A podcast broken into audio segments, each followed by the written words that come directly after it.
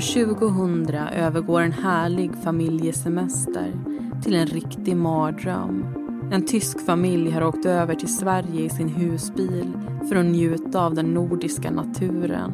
De har tagit med sig rejält med sprit som de hoppas kunna byta ut mot en eller två djurhudar. I Ottanajärvi hittar de en vacker sjö där de väljer att stanna över natten. Och på kvällen får de oväntat sällskap av några personer från byn som ska ha grillfest. Det blir en härlig tillställning. Men under natten försvinner mannen i familjen iväg med en person från byn. Och på morgonen står hans säng fortfarande tom.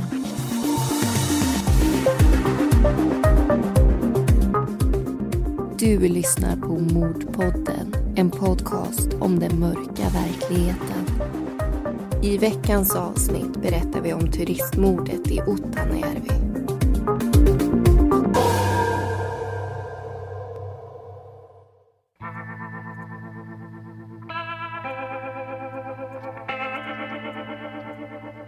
Det är juli månad år 2000. Semestern är äntligen här. Det tyska paret Florian och Laura har bestämt sig för att ge sig ut på ett riktigt familjeäventyr. De är friluftsmänniskor båda två och fascineras över den nordiska naturen. De gröna skogarna och de vilda djuren. Sommaren har kommit och det är dags för paret och deras två söner att färdas genom Sverige till Nordnorge med familjens husbil. Resan går som den ska tills det är dags för familjen att åka hem igen. De färdas på länsväg 392 söder om Pajala i Norrbotten. Vid lunchtid lördagen den 29 juli svänger familjen in på en rastplats utanför byn Ottanajärvi. Rastplatsen är belägen precis intill en badsjö. Familjen tycker att det blanka vattnet är rogivande och vackert och bestämmer sig för att stanna där till nästa dag. De hoppar i sjön så fort de kan och mannen i familjen, Florian, ger sig under eftermiddagen ut på en joggingtur i byn. Han är anmäld till ett kommande maratonlopp i Tyskland och tar varje chans han får till att träna och samtidigt njuta av den vackra naturen. Efter drygt en timme är han tillbaka hos familjen och de förbereder sig för en härlig kväll tillsammans. Men det skulle visa sig att de skulle få sällskap. Platsen de befinner sig på är nämligen en populär samlingsplats för invånarna i byn under sommarens helgkvällar. Och just den här kvällen var det planerat för grillfest. Ett dussintal, både barn och vuxna, kommer dit för att grilla och umgås med varandra. En av dem är 34-åriga byborn Christer. Innan han ger sig iväg till badsjön tillsammans med sin sambo och dotter knäpper han en öl. De lämnar hemmet runt åtta tiden på kvällen. När de anländer till festen är stämningen på topp. Några personer har redan värmt upp bastun. Christer får syn på husbilen som står parkerad intill vägen. Den kanske ägs av den främmande mannen som han tidigare under dagen sett jogga genom byn. Och mycket riktigt står den okände löparen vid grillen och pratar med några bybor. Christer går fram till sällskapet och får veta att mannen är tysk och heter Florian och är på genomresa med sin familj. Det blir en härlig och trevlig sommarkväll. Den tyska familjen uppskattar att få sällskap även om det var oväntat.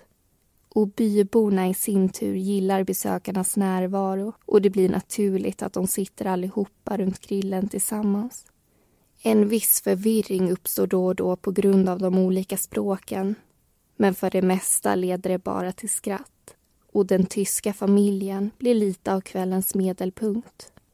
Florian berättar om sitt brinnande intresse för de vilda djuren och den nordiska naturen. Han och Laura hade tagit med sig alkohol i sitt resebagage som bytesvara.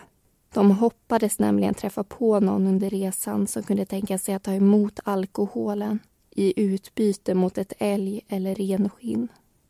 Och nu verkar de ha kommit helt rätt. Byborn Christer nappar på erbjudandet och går hem till sin bostad för att hämta ett relativt stort renskinn. Men han ser att det inte är i perfekt skick så han slänger även med älghud som han tänker ge tysken på köpet.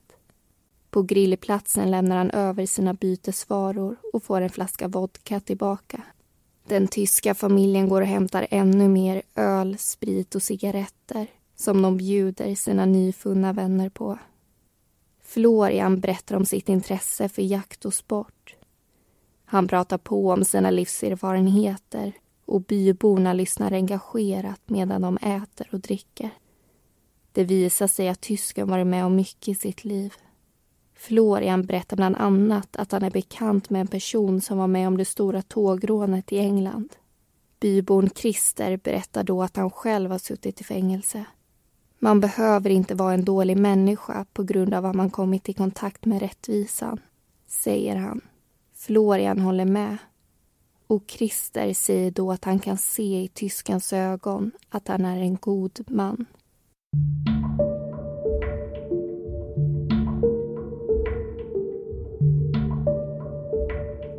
Samtalsämnet glider därefter återigen över till älgjakt. Christer sätter sig närmare och närmare Florians fru Laura. Till slut sitter de så tätt ihop att hon upplever hela situationen en aning obekväm. Mamma, Christer tittar hela tiden på dig, viskar en av sönerna. Men ingen annan verkar reagera så den trevliga stämningen håller i sig. Allt eftersom kvällen övergår till natt börjar flertalet av byborna lämna platsen och bege sig hemåt. Vid midnatt ger också en av det tyska parets söner upp och går och lägger sig i husbilen. Laura och den andra sonen sitter kvar i ungefär en timme. Men sen bestämmer sig även de för att avsluta kvällen. Laura ställer sig upp och kramar de som sitter kvar vid grillen och ger Florian en kyss innan hon lämnar platsen. Hon visste det inte då, men kyssen hon gav skulle bli deras sista. Klockan halv åtta på morgonen dagen därpå vaknar Laura till i husbilen. När hon vänder sig om mot makens säng ser hon till sin förvåning att han inte är där. Faktum är att han inte ens verkar ha varit inne i husbilen under natten överhuvudtaget. Laura går ut på en gång för att se om hon får syn på Florian i närområdet. Men det får hon inte. Timmarna tickar på och både frun och barnen börjar bli riktigt oroliga. Laura drabbas av en obehaglig känsla som säger henne att någonting hemskt har hänt. Florian brukar vara bra på att höra av sig och han skulle aldrig följa med och sova hos någon av männen i byn. En bybo som varit med på grillfesten kommer tillbaka på morgonen för att hämta sin kniv som han glömt. Laura berättar att hon inte vet var Florian är någonstans. Mannen lugnar henne och lovar att åka in till byn och ta reda på var hennes make är någonstans. En stund senare kommer han tillbaka och berättar att han träffade på Christer som sa att han och Florian hade skilts åt i närheten av grillplatsen under natten. Christer hade då tagit för givet att Florian gått och lagt sig i husbilen. Mannen från byn stannar kvar och hjälper Laura att leta runt i omgivningen. Han går in i skogen och följer en stig som leder in mot en kallkälla. På marken, några hundra meter från grillplatsen, hittar han en liten anteckningsbok. Den tillhör Florian. Laura är säker på att maken haft den lilla boken med sig under grillkvällen. Han hade nämligen skrivit upp en adress medan de åt. Att anteckningsboken nu är hittad, men inte mannen, gör frun ännu mer orolig. Hon vet att Florian inte skulle gå in i skogen själv frivilligt mitt i natten. Ryktet om att den tyske mannen är försvunnen når byn och flera ortsbor engagerar sig i sökandet. Även Christer kommer och hjälper till. Han går fram till Laura och lägger armen om henne och säger att de säkert kommer hitta hennes make. Men Laura känner ingen tröst från hans ord.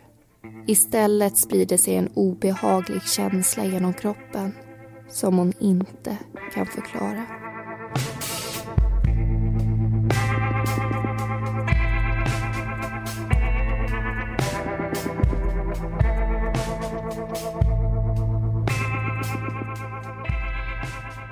Du lyssnar på Mordpodden och hörde precis första delen av turistmordet i Ottanajärvi. Och det är jag som är Linnea Bolin. och jag som är Amanda Karlsson och vi ska som vanligt diskutera det här fallet innan vi går vidare i berättelsen.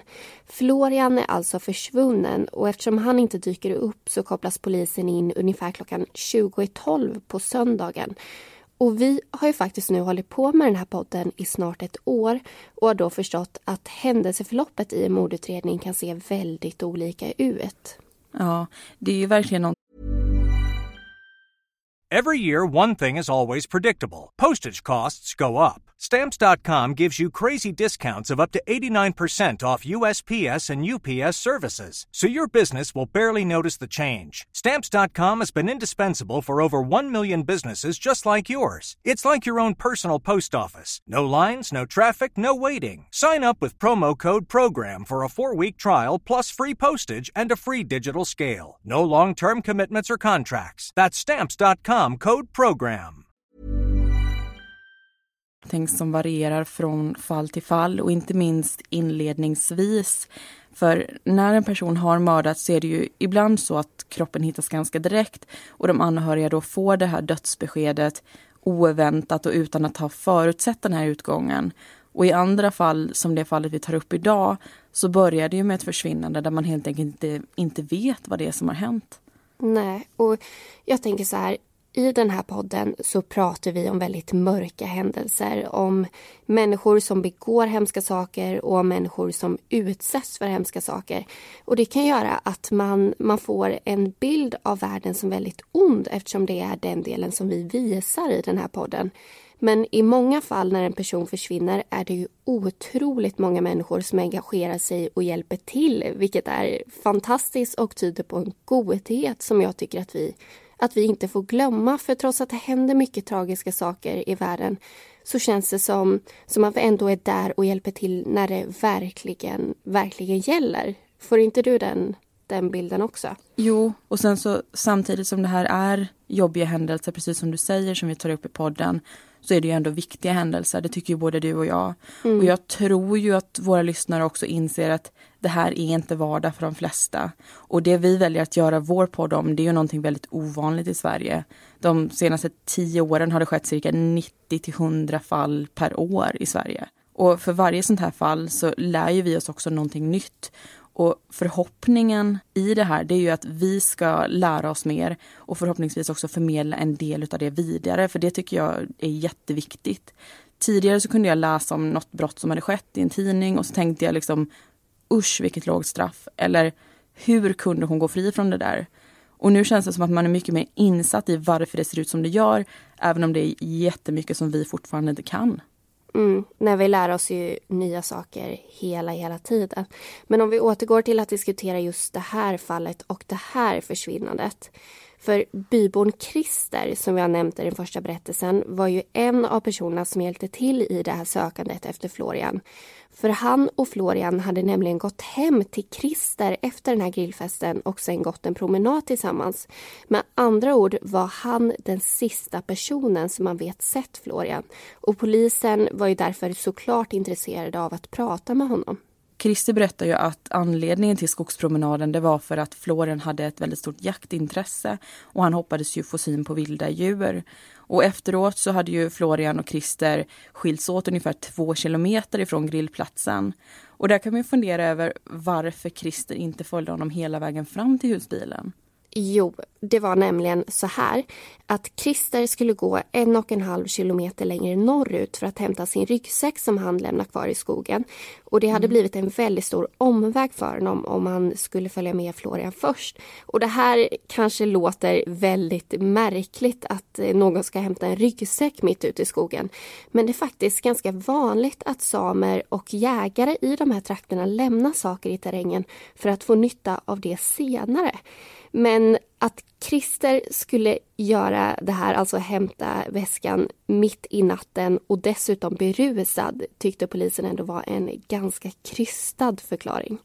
Ja, de har ju helt enkelt en hel del tvivel kring sanningshalten i hans berättelse.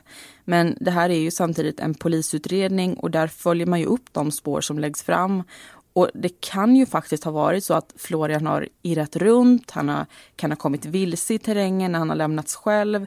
Men man tror ju att eftersom han var frisk och eftersom han var vältränad så skulle han ju normalt sett klara att vara en längre tid i skogen också själv. Men människorna från byn, de berättar dock att det var ganska svår terräng. På vissa ställen var det svårt att ta sig fram om man inte kände till det här området. För det var, det var tät vegetation och det var stora sankmarker och det var förrädiska vattenfyllda hål mitt i alltihop. Hmm. Ja, och i förra avsnittet av Caroline-fallet så tog vi upp statistik kring just försvinnande. Och det visade ju sig att de allra flesta är ju frivilliga försvinnande. Mm. Men Florians fru, hon är ju säker på att någonting har hänt. Florian har inte försvunnit frivilligt.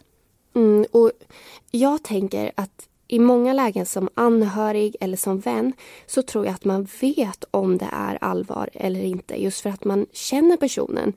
Och om jag ser till mig själv så har jag några vänner som mycket väl skulle kunna strunta i att höra av sig medan jag känner flera personer som alltid hör av sig och som aldrig skulle försvinna om ingenting har hänt.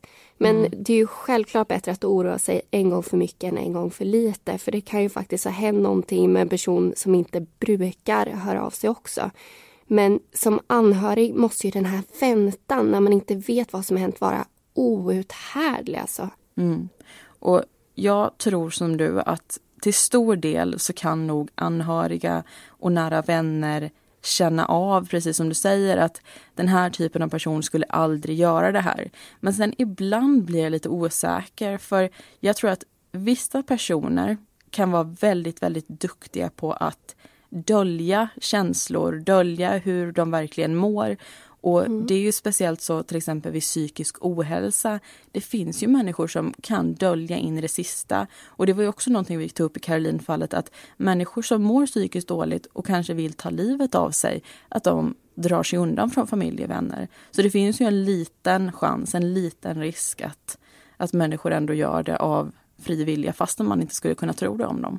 Och det här med psykisk ohälsa det känns, det kan man inte prata för mycket om för det är så viktigt att, att uppmärksamma för det är ju, ja, men bryter man ett ben så syns det och man kan gipsa men just hur man mår och hur en människa känner det ser man ju inte men det gäller att försöka förstå de här personerna även att det inte syns. Men innan vi går vidare så får vi inte glömma att berätta om tipsen som kommer in till polisen.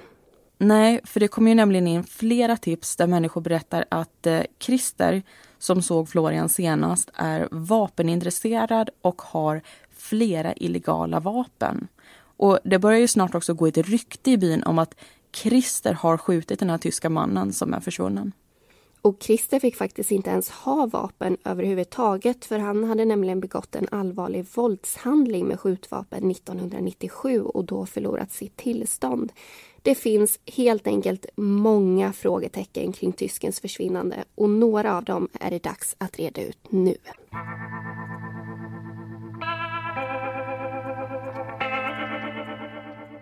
Polisen förhör flera av personerna som befann sig på grillfesten med den tyska familjen. En av dem är Christers sambo. Hon berättar att hon gått hem ganska tidigt under kvällen tillsammans med Christers dotter. Med sig hade hon även vodkaflaskan som sambon fått i utbyte mot djurhudarna. Precis som Christer uppgett till polisen hade han och Florian kommit hem till parets bostad under natten. Den tyska mannen hade lånat en skjorta och sen hade de gett sig iväg på en skogspromenad. Hon tror att klockan då var ungefär ett på natten och efter att männen hade gått så gick sambon och la sig. Men hon vaknade till igen vid fyra tiden när Christer kom tillbaka. Han hade gått och lagt sig och somnat med detsamma. Hennes berättelse bekräftar alltså Christers uppgifter men det är fortfarande ingen som vet vad som hände under skogspromenaden. Efter tipsen som polisen fått in om att Christer var vapenintresserad och hade illegala vapen växte misstankarna mot honom. Ryktet om att han hade mördat tysken skapar ett stort massmediehysteri. Journalister står och trycker utanför hans hus och polisen tar beslutet om att ett gripande måste ske så fort som möjligt för att undvika onödig uppståndelse. Men först är de tvungna att kontrollera om det ligger någon sanning i ryktena. Än så länge har man inte någon aning om var tysken är och om han är skadad överhuvudtaget. Onsdag den 2 augusti kommer vändpunkten i utredningen. Efter flera dygn sökande hittas äntligen den försvunna Florian. Men det blir ingen glädjens dag. Florian är död och han har blivit mördad. Det är på eftermiddagen som polisen börjar leta på ett helt nytt skogsområde. En polishund lämnar skogsvägen och springer rakt in i skogen ungefär 50 meter innan han tvärstannar norr om ett gammalt grustag. Hundföraren rusar fram till hunden och får direkt syn på en död man som ligger på marken. Han stämmer väl överens med den försvunna tysken. Två utredare anländer till platsen som spärras av och mycket riktigt så är det Florian som ligger framför deras fötter. Han har blivit skjuten i bröstet. Kulan har gått in genom kroppen och ut genom ryggen. Det verkar som att dödsskjutningen ägt rum på platsen där Florian nu ligger och han har troligtvis dött av skottet omedelbart. Teknikerna söker av området noggrant med metalldetektorer men ingen kula hittas på marken.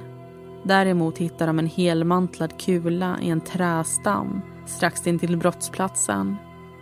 Florian ligger på rygg med ena armen utsträckt.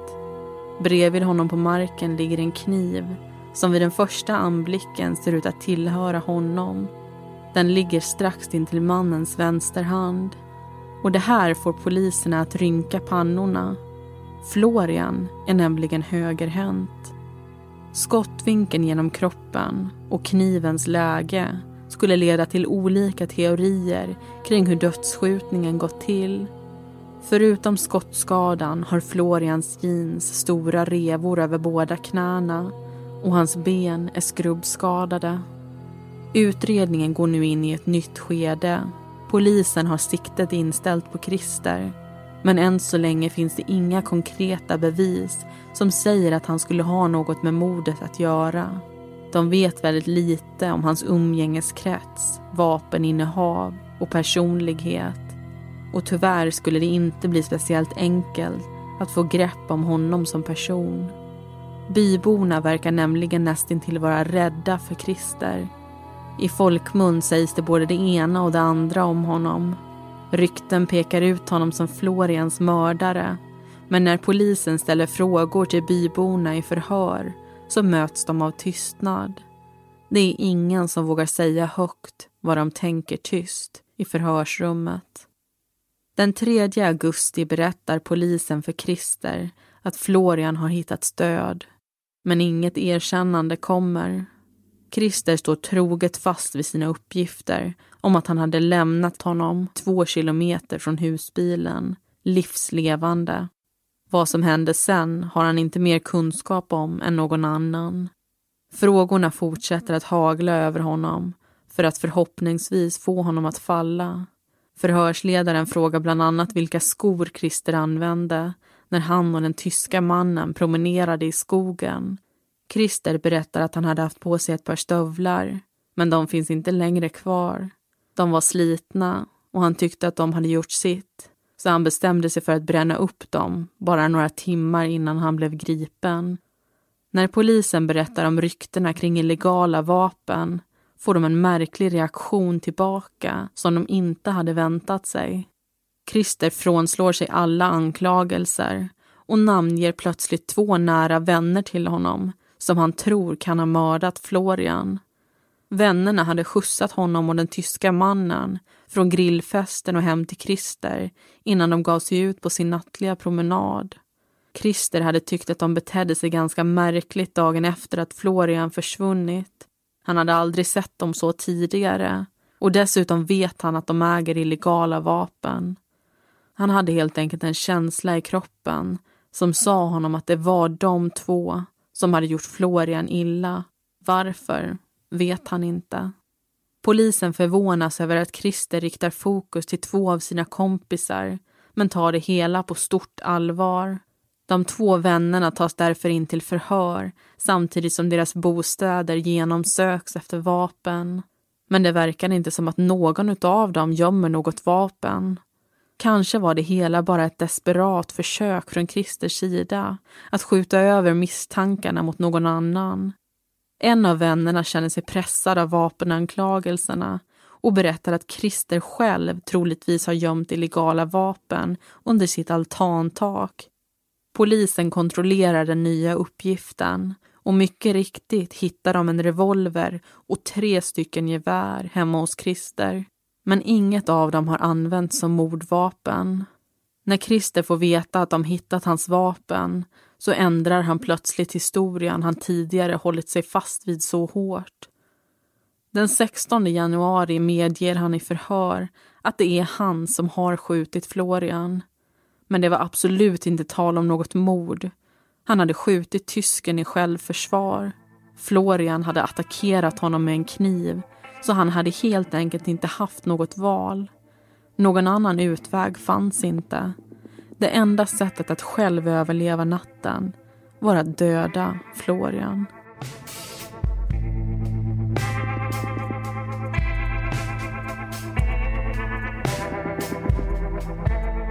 Du lyssnar på Mordpodden. I säsong 3 tar vi upp mord som har skett i Norrbotten och Lappland.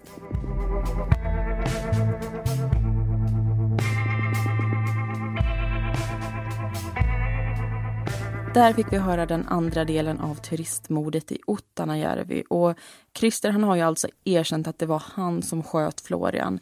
Men han påstår att det hela handlade om självförsvar.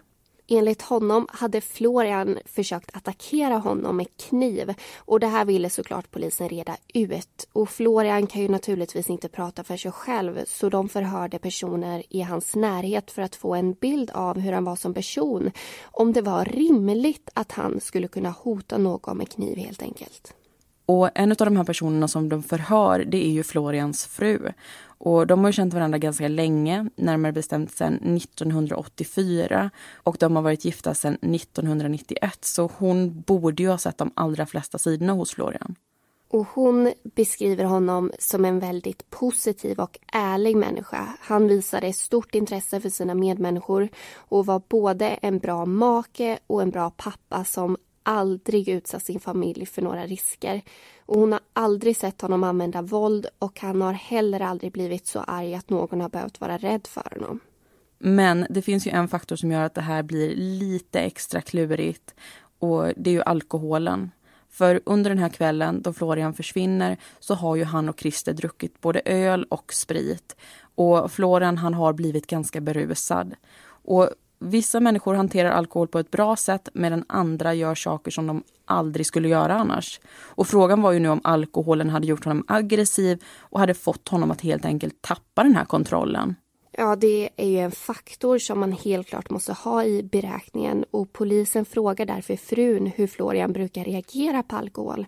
Men hon berättar då att han bara brukar skratta och prata och skoja ännu mer än vad han gör i vanliga fall. Och om han drack väldigt, väldigt mycket alkohol så somnar han. Så aggressiv blev han alltså definitivt inte.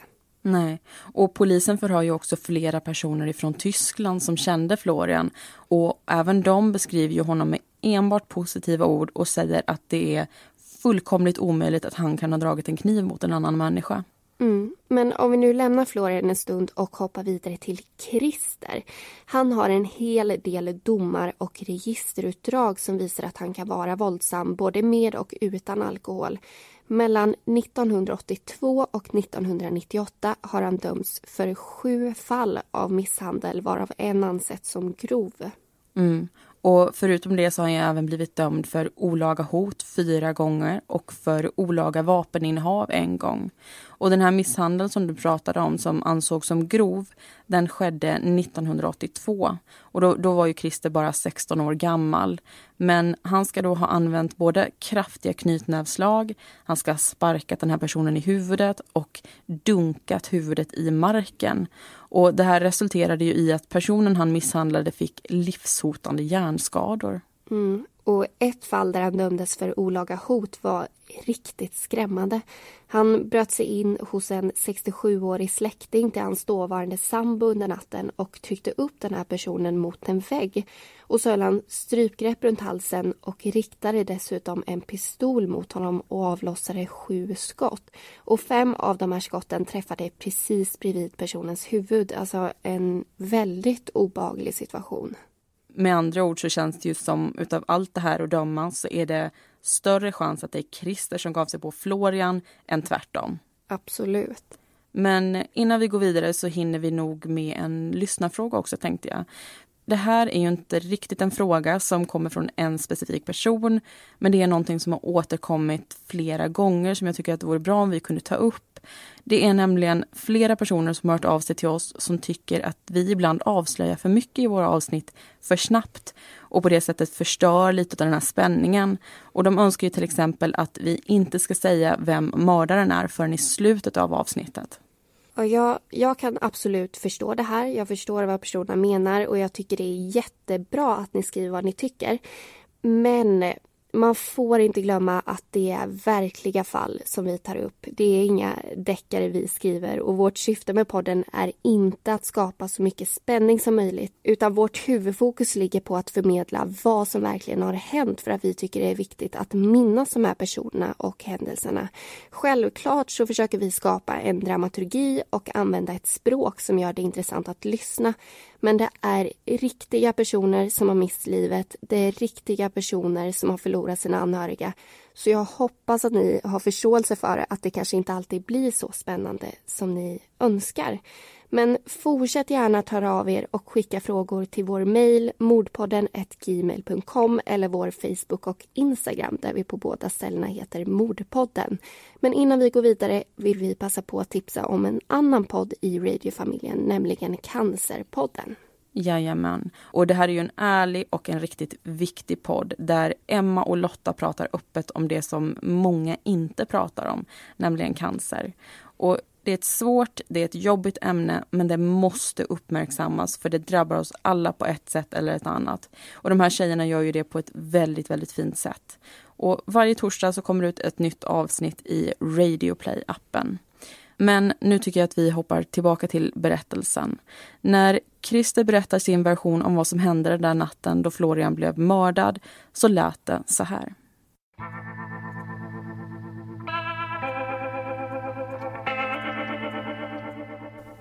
På grillfesten lördagen den 29 juli sitter Christer och Florian och småpratar med varandra.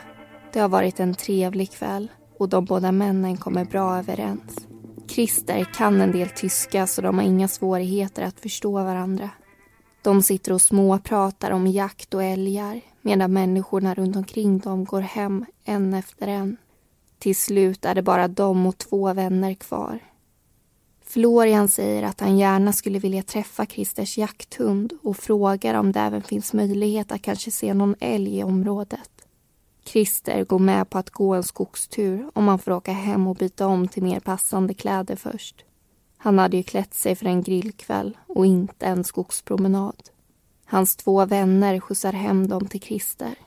Rejäla gummistövlar åker på och han river fram en flanellskjorta som han räcker över till Florian. Christer går sen in i köket och fram till bordet.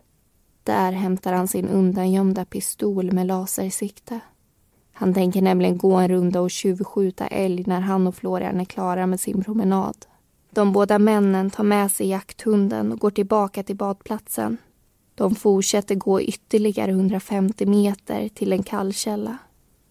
Där stannar de till. Christer har med sig en kåsa som de fyller med vatten och dricker ur. Sen promenerar de vidare på en stig genom skogen. De går upp för ett berg och sen tillbaka mot väg 392. Christer tänker att det är dags för männen att skiljas åt. De har inte sett någon älg men han hoppas att Florian är nöjd ändå och går tillbaka till sin husbil så han själv kan gå och tjuvjaga på egen hand. Men den tyska mannen verkar ha andra planer. Han frågar var Christer är på väg Christer svarar att han ska gå och hämta sin ryggsäck som han ställt en bit in i skogen. Han hade placerat den där några dagar tidigare för att slippa behöva bära den genom byn. Florian frågar om han får följa med. Det får han. Trots att Christer egentligen inte är så sugen på att få sällskap. De fortsätter gå sida vid sida in i den mörka terrängen. Efter ett tag undrar Florian om de inte är framme vid ryggsäcken snart. Christer pekar in i skogen. Där inne kan det finnas älg, säger han. Kan du inte släppa hunden då? Frågar Florian. Men Christer svarar att det inte är nödvändigt. Under promenaden kommer de fram till ett våtområde och en bäck.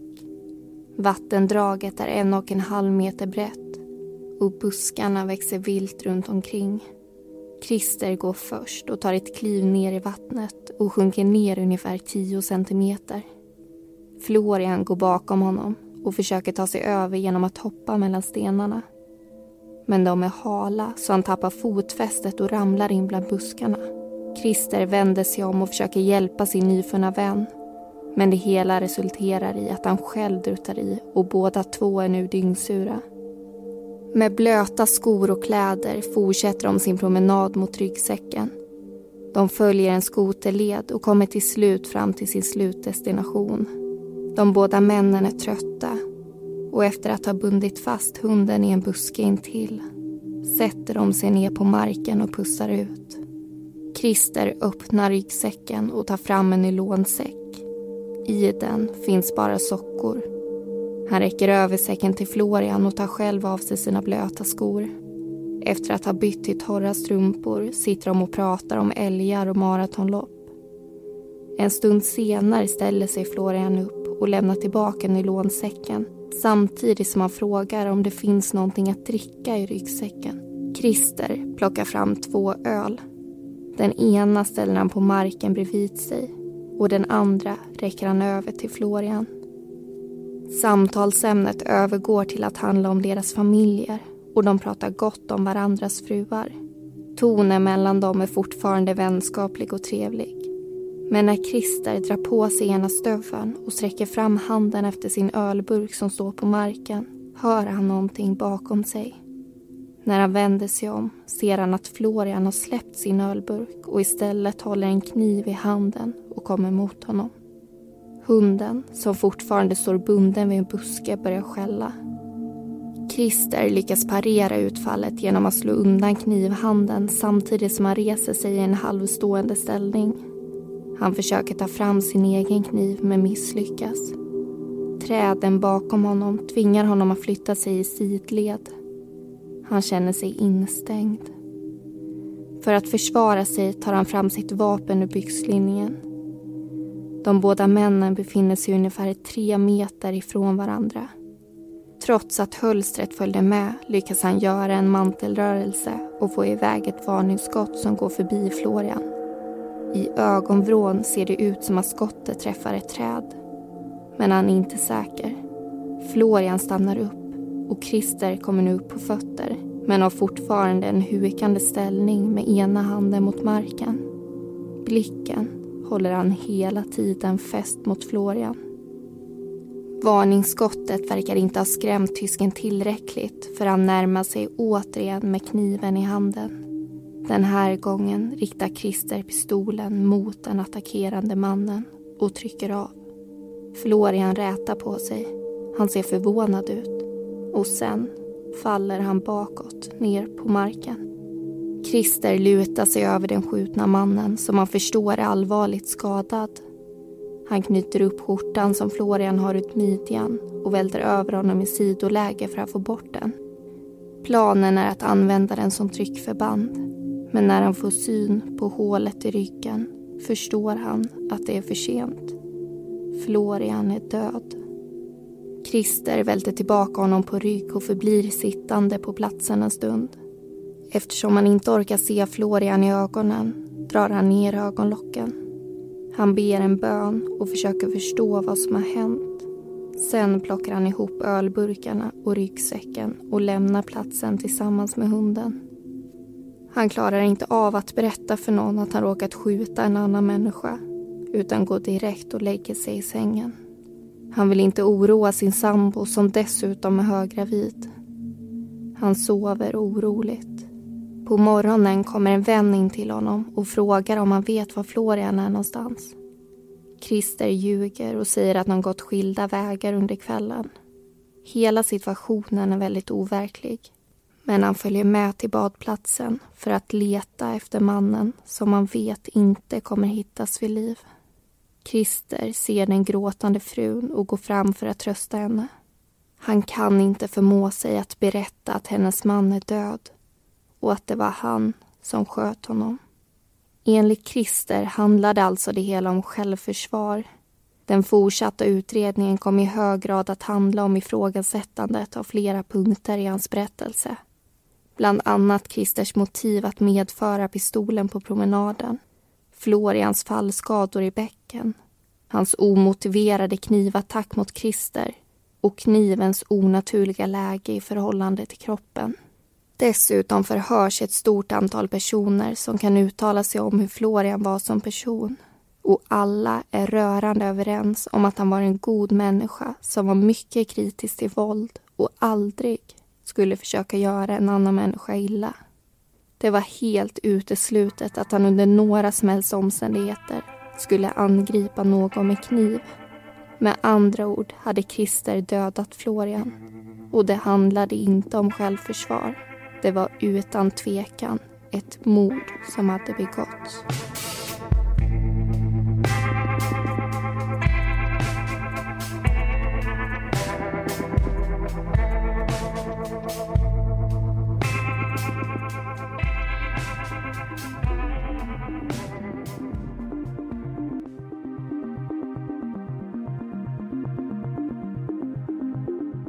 Christer dömdes av Haparandas tingsrätt till 11 års fängelse. Domen överklagades till hovrätten som fastställde påföljden. Det var allting som vi hade att berätta om turistmordet i Ottanajärvi. Alla personerna i berättelsen heter egentligen någonting annat och informationen är hämtad ifrån den nordiska kriminalkrönikan från 2002, Haparandas tingsrättsdom och artiklar. Nästa vecka åker vi vidare och då ska vi berätta om mordet i Kärrbäck.